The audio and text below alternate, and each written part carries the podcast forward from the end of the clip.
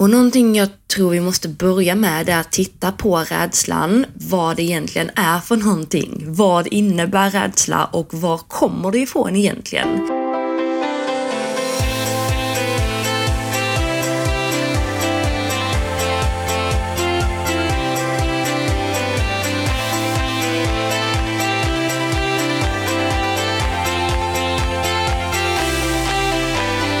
Hej allesammans och eh, varmt välkomna tillbaka till ett helt nytt avsnitt av podden En mental halvhalt med mig Johanna Lassnack. Vi är på avsnitt nummer eh, 17 och idag tänkte jag vi skulle prata om någonting som jag tror har efterfrågats ja, men nästintill absolut mest. Jag har fått in så himla mycket mail, så himla mycket DM, så himla mycket tips, förslag och önskemål om just dagens ämne. Och det handlar om rädsla. Alltså att kunna hantera sina rädslor. Och det här är faktiskt någonting jag får DMs om personligen nästan varje vecka också. Det är väldigt många som, som skriver och frågar hur de ska ja, men, lösa och hantera sin rädsla. Och det är allt ifrån eh, att man kanske är rädd för att galoppera, man eh, kanske inte vågar hoppa en viss höjd, man kanske har varit med om en omkullridning och och är nu rädd att det ska hända igen. Man kanske har kraschat in också, vågar inte rida en också. Man kanske har eh, ramlat av i en kombination och inte vågar hoppa en kombination. Det finns så himla många olika exempel och jag har faktiskt ärligt talat dragit mig ifrån att eh, prata om rädsla eh, eftersom att jag är inte utbildad i den här typen av hjälp. Det vill säga någonting man jobbar mycket med när vi pratar om rädsla.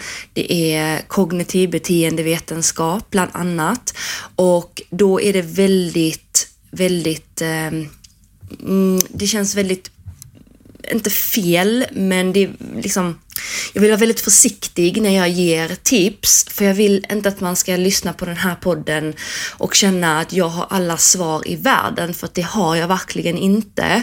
Eh, däremot så har jag ju många adepter som jag hjälper eh, i mental coachning som har haft mer eller mindre rädslor som jag har hjälpt, men jag vill verkligen understryka att jag inte är utbildad i den typ gruppen där jag har befogenhet att hjälpa dig som befinner dig i en, en situation där du behöver hantera en rädsla. Så att jag vill verkligen vara jättetydlig med det.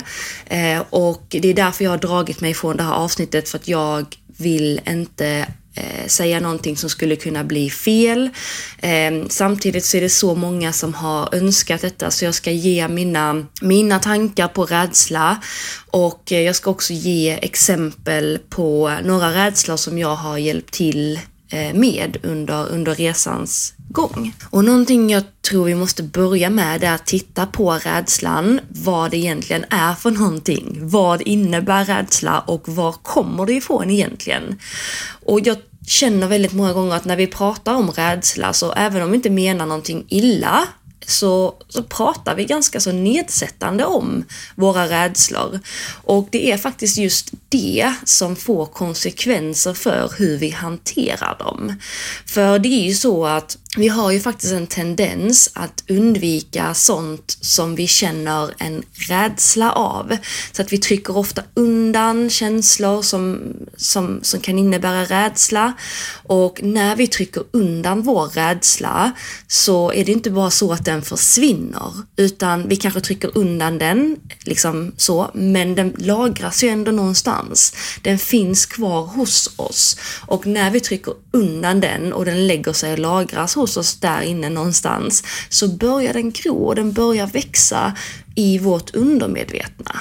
Så därför är det ingen bra idé att trycka undan rädslan eller för den delen eh, nedvärdera sig själv och tycka att man är mesig som har den här rädslan. Och samma om du känner någon som är rädd för någonting, att inte nedvärdera det eller tänka att den personen är löjlig. Därför att rädslan finns ju där av en anledning och den är där och då är det ingen bra idé att skjuta undan den utan istället ta fram den, låta den komma och hantera den. För hur den är så vår rädsla, den här rädslan vi har inom oss, den är inte någonting att vara rädd för. Och den, verkligen ska den inte heller hånas. Därför att vår rädsla, om vi tittar på det ur ett lite större perspektiv, så är det faktiskt den som har hjälpt oss att överleva i miljontals år. Så vi ska istället försöka lyssna på den och förstå vad det egentligen är den vill säga till oss, för någonting vill den ju säga. Så om vi då spolar tillbaka några tusen år, och det här har vi också pratat om lite grann i det här avsnittet med stress, där vi pratar mycket om, om Rasmus och Reidar. Och ni som känner till det här och lyssnat på detta kommer kanske känna igen er lite grann. Men vår rädsla, man kan säga att det är kroppens reaktion på att vi befinner oss i fara. Och den har ju funnits med oss i miljontals år. Och tillsammans, alltså rädslan tillsammans med vår ilska, det är den som bildar vårt känslomässiga försvarssystem. Alltså om vi till exempel, om det kommer ett plötsligt ljud eller vi får en syn som gör oss skrämmande, alltså vi ser någonting som, som, som ser konstigt ut, så sänder det ju signaler till hjärnan för att göra oss medvetna på vad som händer så att vi i så fall kan göra oss beredda på att antingen fly eller slåss. Och det är ju hjärnans sätt att tala om för oss att vi befinner oss i en fara, vi måste göra någonting. Så antingen måste vi fly därifrån snabbt som tisan eller så måste vi slåss. Och många gånger så när vi slåss så är det ilskan som tar över. Alltså anledningen till att man stannar och verkligen krigar någonting, det är för att ilskan kommer. Och många gånger när vi flyr är för att rädslan tar över, det är den som pratar. Så det är egentligen vår försvarsstrategi. Men sen finns det också en tredje försvarsstrategi och den går ut på att tidigare då när vi levde på savannen sådär, kunna lura våra fiender. Och det gjorde vi då genom att spela död. Och i dagens samhälle så kan det komma upp genom att vår kropp blir helt paralyserad, alltså man blir handlingsförlamad. Så de här tre som att Antingen fly därifrån, alltså känna rädsla, ilskan att stanna och slåss, eller att, att spela död, alltså att kroppen blir paralyserad.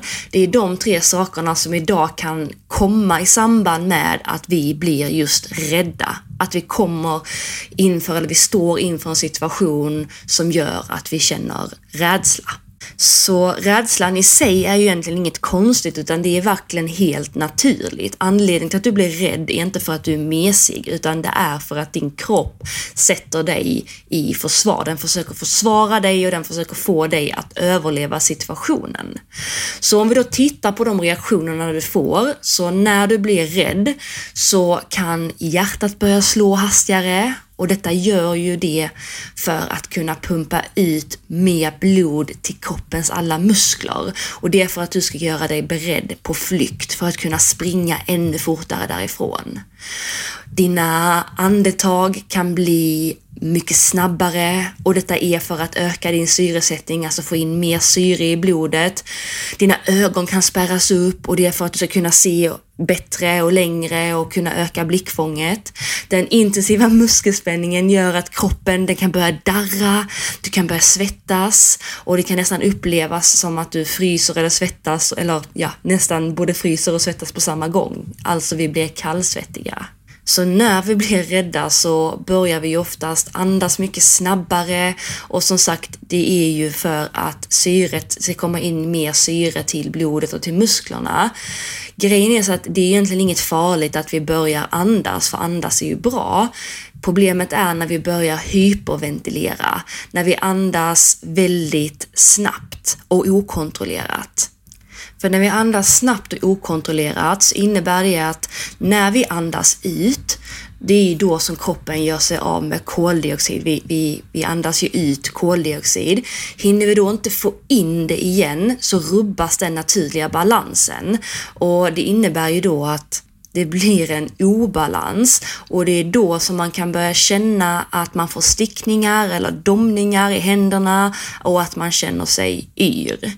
Så hyperventilering är ingen bra grej i hur man ska hantera en rädsla, utan vad man behöver göra det är att börja andas lugnt, få ner sin andning, ta djupa andetag både in och sen ut så att den kemiska balansen återställs.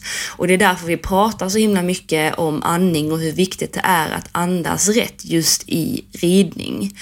Så när du står inför någonting som du är rädd för, se till att du verkligen får bukt med din andning, att du kan kontrollera den så att du får in ordentliga andetag och kan andas ut ordentligt.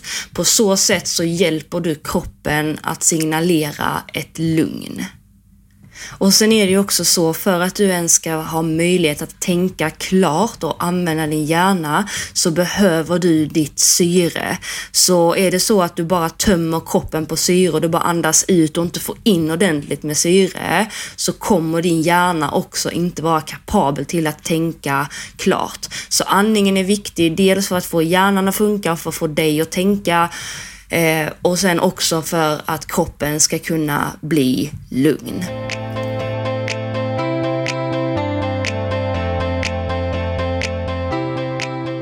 Så om vi då tittar på eh, rädslan nu så kommer den ju i lite grann olika former. Eh, men hur den är så finns det någonting som är gemensamt för rädslan och det är ju att rädslan är en känslomässig reaktion.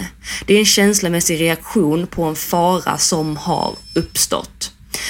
Så man kan ju bli rädd om man till exempel går på stan och någonting ramlar ner, då blir man rädd. Men sen kanske man, man kanske känner av det några minuter för att pulsen har börjat gå upp och sådär. Men sen glömmer man det. Det är ju egentligen ingen rädsla som är någon stor grej, utan man blir rädd och sen så glömmer man det. Samma om någon skrämmer en. Visst, man kan vara uppjagad några minuter, men sen är det ju ingenting man går kanske och tänker på. Sen finns det ju den här rädslan som, som stannar kvar. Och en rädsla som stannar kvar eh, kan i sin tur ge oro, den kan ge ångest, den kan ge fobi och den kan också ge ordentliga stresssyndrom. Det finns någonting som heter posttraumatiskt stresssyndrom och det är eh, någonting som man har varit med om som har varit väldigt chockartat eller extremt kränkande, väldigt, väldigt skrämmande eller överväldigande. Och ehm, det här är någonting som man verkligen behöver hjälp för att ta sig igenom, alltså professionell hjälp. Och hur man vet att man har varit med om något sånt här, eller hur man vet och vet, det vet man ju egentligen, men någonting man kan uppleva efter sådana här saker, eller efter en sån här händelse, det här att man kan få mardrömmar, man kan eh, få eh, koncentrationssvårigheter, man får flashbacks, man kan liksom inte riktigt släppa det man har varit med om.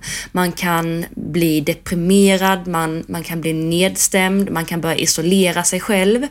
Och detta är någonting som, det kan vara att man till exempel har varit med om en misshandel, man har varit med om en ordentlig naturkatastrof, en ordentlig olycka, ett rån, eh, ett övergrepp, det kan vara att man har haft en svår förlossning, en operation, ja men någonting som har varit väldigt, väldigt, väldigt jobbigt. Och som sagt, har man varit med om något sånt här så behöver man verkligen professionell hjälp för att ta sig igenom det här. Sen finns det ju också någonting som kallas oro och oro är någonting som har kommit för att vi till en början har känt rädsla för någonting. Och det vi känner rädsla för, det är ju ofta någonting som vi börjar fundera på.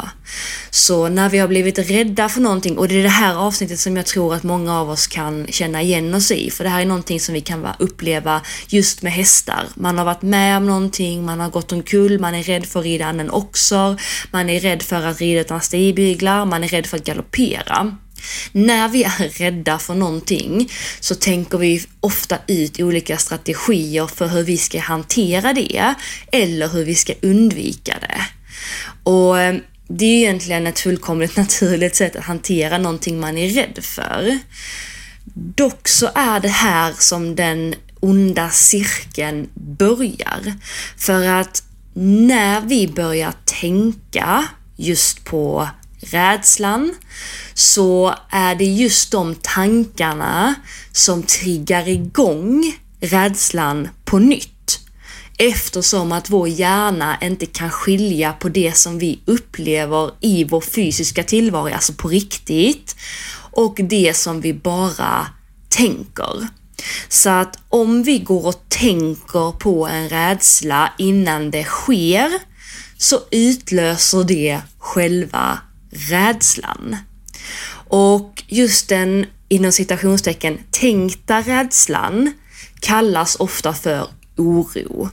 Och det är just den som gör att vi sätter igång den här kedjereaktionen av tankar och hur vi ska hantera den och om det händer, vad ska jag göra då? Och så vidare.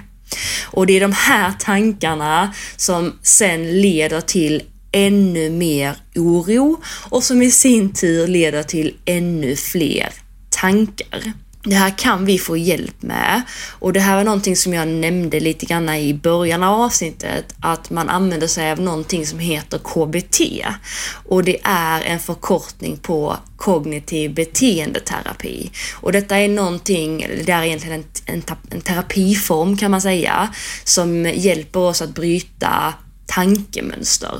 Och det här är någonting som om du är nyfiken på, googla det, kolla på det, läs om det. Och det är ingenting som är konstigt att ta hjälp med utan det är helt naturligt och någonting som faktiskt är väldigt bra att använda sig utav om man känner rädsla.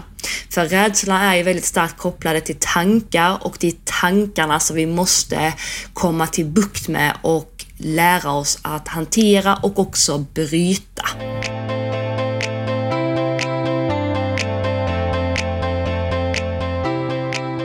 Så, då har vi fått en liten bild av vad rädsla faktiskt är för någonting, varför det kommer, hur det kommer och anledningen till att det kommer. Och jag tror det är ett stort steg i rätt riktning att faktiskt bli medveten om varför man känner rädsla. För jag tror att när man vet anledningen till det så är det mycket lättare att ta sig an det, förstå det och sen börja jobba med sina rädslor. Och det finns ju ett uttryck som heter Face your fears. Alltså utmana dina rädslor, se på rädslorna, ta dig an dem och verkligen utsätta dig för dina rädslor. Och det är väldigt lätt att säga, ja men om jag är jätterädd för att göra någonting, ska jag bara kasta mig fram och göra det då? Nej, absolut inte. Men man måste börja utmana sig. Och här ska jag ge mina absolut bästa tips på, på just detta. För det här är någonting som jag får som jag pratar om väldigt mycket med mina adepter som jag coachar om man till exempel har en, en rädsla för någonting.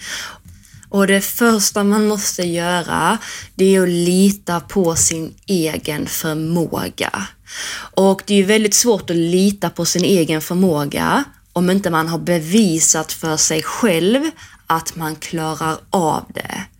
Och just därför så måste man börja utmana sig själv och utmana sina rädslor och börja göra. Ta små, små steg där man för varje litet steg bevisar för sig själv att man är kapabel till att göra någonting. Och vi kan ta ett, ex ett exempel. Jag hade en tjej som kom fram till mig efter en föreläsning och ville ha hjälp med sin rädsla. Och hennes stora rädsla, det var att släppa stigbyglarna. För henne var det väldigt, väldigt, väldigt jobbigt och hon fick panik av bara tanken. Det hade gått så långt. Så då sa hon att hon och hennes kompisar, de hade försökt allting, men så fort min kompis säger att jag ska släppa stiglarna så vågar jag inte och så vill jag bara sätta mig av och kasta mig av och hoppa av för att jag inser att jag kommer inte klara det. Så vad jag gav henne för tips då, det var följande. Nästa gång du sitter på en häst och ska utmana dina rädslor så måste du göra det extremt, extremt långsamt och stegvis. Så det jag vill att du gör, det är att du till att börja med har en ledare. Se till att någon håller i hästen och du går och skrittar med den. När du skrittar så vill jag att du fokuserar på ditt högra ben och när du känner dig redo efter några varv, tar några sekunder och bara tar ut din fot ifrån stigbygeln, bara några sekunder och sen sätter tillbaka den. När du har gjort det så går du över till din vänstra sida, fortfarande i skritt, fortfarande med en ledare och bara några sekunder tar ut din fot, hänger den lite grann utanför stigbygeln och sen går tillbaka till stigbygeln. För med den här handlingen så har du tagit första steget. Du har visat för dig själv att du är kapabel till att ta ut foten din högra fot från höger och släppa den. Du har visat för dig att du kan ta ut din vänstra fot och släppa stigbygeln. Sen vill jag att du upprepar detta och gör detta igen. I slutet av passet, fortfarande bara i skritt, så vill jag att du tar ett djupt andetag och släpper båda fötterna ifrån stigbygeln bara ett par sekunder och sen går tillbaka till stigbygeln. När du har klarat av detta så har du bevisat för dig själv att du är visst kapabel till att släppa stigbyglarna. Visst, om så bara några få sekunder, men du har gjort det. Så nästa gång du gör det vill jag att du gör det en sekund längre. Nästa gång igen gör du det ytterligare en sekund längre. Och så vill jag att du hela tiden utmanar dig själv att göra det lite längre och lite längre och lite längre. Och detta kan ta ett ridpass, det kan ta två ridpass, det kan ta en vecka. Oavsett så får du aldrig bli bekväm utan du måste hela tiden utmana dig och göra det lite längre och lite längre och lite längre.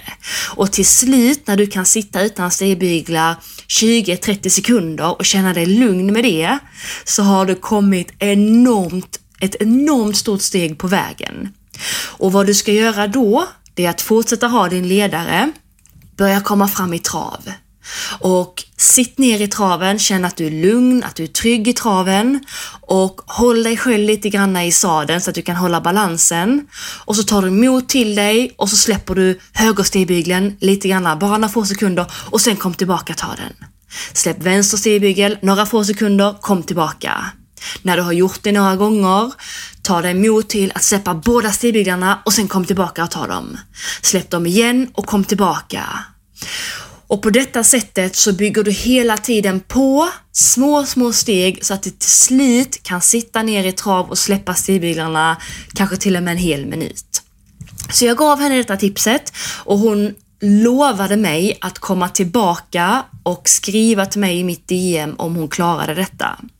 Och ungefär fyra veckor efter den här föreläsningen, eller fem ungefär, så fick jag ett meddelande från henne och om du lyssnar på detta nu, jag kommer tyvärr inte ihåg ditt namn, Fasen bra jobbat! För minns du? Du skrev till mig att du nu har klarat av att släppa stigbyglarna och du tackade så jättemycket.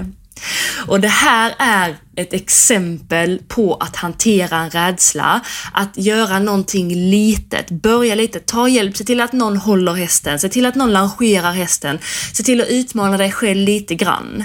Samma om du är rädd för att ridan också ur sväng, se till att hantera och ridan också ur sväng väldigt lågt innan du höjer. Höj lite grann och sen höj lite grann och sen höj lite grann och sen när du kanske säger att du är rädd för att hoppa ett, en, en meter hinder. Se till att hoppa 95 och sen slita. Utmana inte den här en meters eh, strecket just direkt, utan gå hem, sov lite grann, kom tillbaka nästa vecka, gå upp på 95 igen, kanske lite grann högre, 96, sen gå hem igen. Och sen kanske tredje gången gå ut och nu har du verkligen satt liksom i rutin att jag klarar av att hoppa 95, jag klarar av att hoppa 95 och när du har bevisat för dig att du klarar det så växer du och då har du självförtroende nog att klara av att hoppa även en meter hindret. Så det är väldigt, väldigt viktigt att bevisa för sig själv att man klarar av någonting. Och det är väldigt liksom det är väldigt svårt att gå på sin absolut största rädsla och utmana sig själv och göra det direkt. Och det begär ingen. Därför måste man bryta ner det och börja långsamt. Så, som jag sa tidigare, det är verkligen när tilliten på vår egen förmåga börjar växa som vi kan släppa tanken på vad som skulle kunna hända. För vårt självförtroende ökar verkligen när osäkerheten minskar. Och den enda vägen genom är att göra det som vi inte kan ända tills vi kan det. Så det handlar om att utmana sig och göra det tills man faktiskt kan det. Så någonting jag också brukar göra om jag själv har en rädsla, det är att jag tänker så här, vad är det värsta som kan hända? Okej, det är det här. Och om det händer, vad ska jag göra då? Så för mig kan det vara att verkligen fokusera på andningen. Om det är så att jag börjar bli stel i kroppen och börjar bli hård i handen, fokusera på att vara mjuk i handen. Om det är så att jag är rädd för att eh, gå omkull till exempel, så måste jag fokusera på att okay, ha balans i hästen genom eh, hörnet.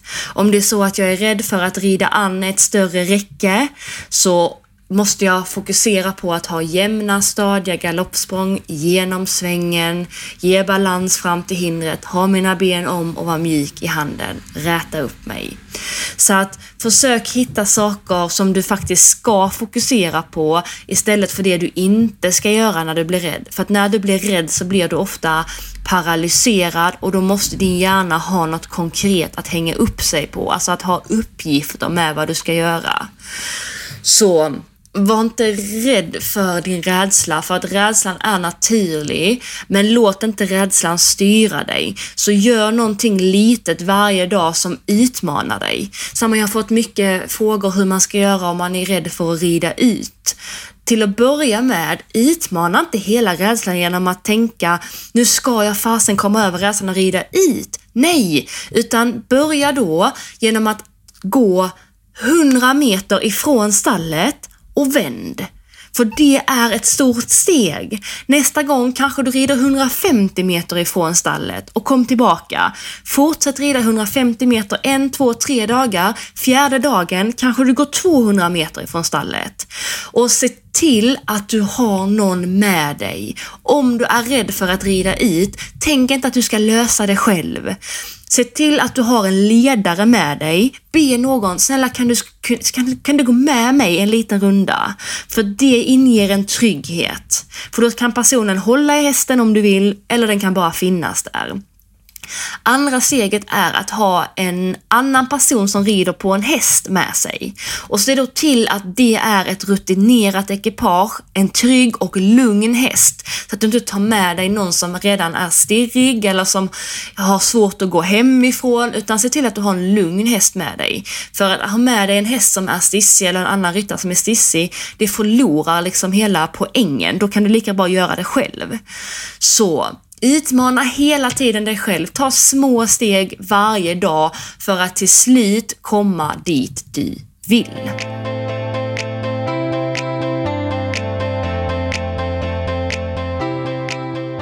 Så för att sammanfatta dagens avsnitt Även om jag inte har gått in på jätte, jättemycket konkreta grejer så hoppas jag, och det har jag gjort för att jag vill verkligen inte gå ut med någonting som jag inte har befogenhet att säga. Men trots detta så hoppas jag att du har fått en, en större liksom, kunskap kring rädslan och varför den kommer. För det är ju faktiskt så att rädslan det är kroppens reaktion på att vi befinner oss i fara och då måste vi se till att den här faran som vi står inför inte blir någon fara utan istället en situation som vi faktiskt kan hantera. För rädslan är ju egentligen någonting som har hjälpt oss att överleva förut. Så det är ingenting att vara rädd för Däremot så måste vi lära oss att hantera den. Och hur vi lär oss att hantera den, det är att börja utsätta oss för den i små, små doser, bevisa för oss själva att vi faktiskt visst är kapabla till att ta oss igenom någonting, för det är du, du som lyssnar på detta, du är verkligen det. Du kanske inte är kapabel till att fixa det på ett ridpass och det ska du inte vara heller, men du är kapabel till att stegvis ta dig igenom din rädsla. För jag säger det igen, det är när tilliten till vår egen förmåga börjar växa som vi kan släppa tanken på vad som kan hända. Och för att vår förmåga då ska kunna växa så måste vi utsätta oss för små doser rädsla och hantera dem. För det gör att man växer. Och växer man lite, får lite självförtroende, så kan man använda det till att utmana sig ännu lite mer nästa gång. Så har du en rädsla, se till att inte den hindrar dig utan utsätt dig för, lägg upp en plan, Gör någonting litet varje dag som du kan utsätta dig för och utmana dig själv inför. Och jag vill verkligen, om det här poddavsnittet har hjälpt dig och om du har beslutat dig för att ta dig an dina rädslor just med att utsätta dig för dem i små doser, så vill jag att du skriver till mig när du har gjort det. För då kommer jag ta upp detta här i podden. Och när du har gjort det, om det tar en vecka eller en månad, det har ingen betydelse. Men om du har någonting du har tagit dig igenom, skriv till mig för jag vill väldigt gärna veta och jag kommer vara enormt stolt då. Tusen tack för att du lyssnade på veckans avsnitt. Det är ju så att vi har bara tre avsnitt kvar och jag vill veta ifrån er, för nu har jag slut på idéer och ni har egentligen sagt ja, allt ni vill och jag har lyssnat på alla era idéer. Skriv till mig på förslag på vad de här tre avsnitten ska handla om. Skriv då ett mail till eh, en mental halvhalt at ryttarinspiration.se. Det går också bra att eh, gå in och skicka DM på Ryttarinspirations Instagram, för de läser jag också. Tusen tack för att du lyssnade på veckans avsnitt. Vi hörs nästa vecka. Ha det bra så länge så hörs vi då. Hej så länge!